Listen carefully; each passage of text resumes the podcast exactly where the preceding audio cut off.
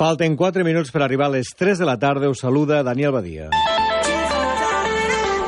Comencem parlant de futbol. El Lleida Esportiu té avui partit de la segona eliminatòria de la Copa del Rei. A partir de 3 quarts de 6 de la tarda jugarà al camp de l'equip asturià Caudal de Mieres amb l'únic objectiu de superar aquesta ronda tal com remarca l'entrenador Gustavo Siviero. Sí, pasar, ir pasando de eliminatorias. Sabemos que a medida que vamos avanzando vamos encontrando eh, rivales este, que también han hecho mérito para estar ahí, entonces eso los convierte en, rivales peligrosos, en rivales difíciles. También vamos a, a, jugar en condición de visitante, que eso siempre es un puntito a favor para el, para el que juega en casa. Pero bueno, intentaremos que todo eso no se note y que, y que nuestro equipo y nuestros jugadores lleguen bien para, para hacer un buen partido y, y seguir avanzando en esta competición que nos gusta. El rival d'avui del Lleida, el Caudal de Mieres, ocupa el desè lloc de la classificació del grup primer de segona B, amb 4 punts sumats després de 3 jornades de Lliga. Si vieron destaca la seva bona proposta futbolística. Sobre todo la propuesta, tiene una propuesta bastante atractiva de intentar jugar, de, de bueno, salir de, con el balón controlado de su propio campo. Yo creo que en, en ese grupo también lo destacan por eso, porque es uno de los pocos equipos, uno de los varios equipos que intenta jugar.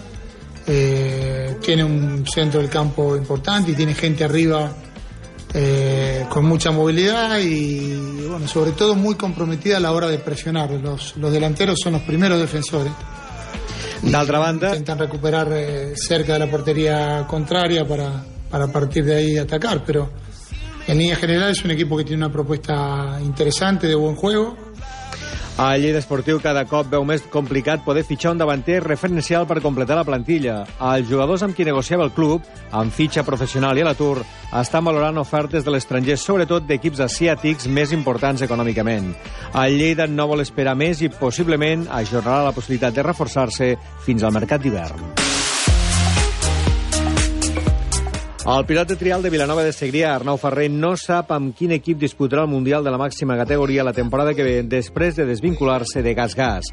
El jove pilot de 18 anys reconeix que ho ha passat molt malament psicològicament aquests últims mesos. Ara estem buscant equip per la temporada que ve, que esta l'acabaré amb dos motos que tinc a casa meves i treballaré com podrem i després a mirar aviam si surt alguna cosa. Sí, sí, esperem que sí, no? tinc moltes ganes, tinc moltes ganes encara d'entrenar fort i crec que ho puc fer molt bé. Sí, ha estat molt dur en quant a motivació, allò que quan et diuen que no compten amb tu per l'any que ve i tens que continuar la temporada amb la mateixa gent, amb la mateixa moto, això ha sigut, això ha sigut molt difícil per mi, però bueno, ara ja estic a casa i, i estic bé.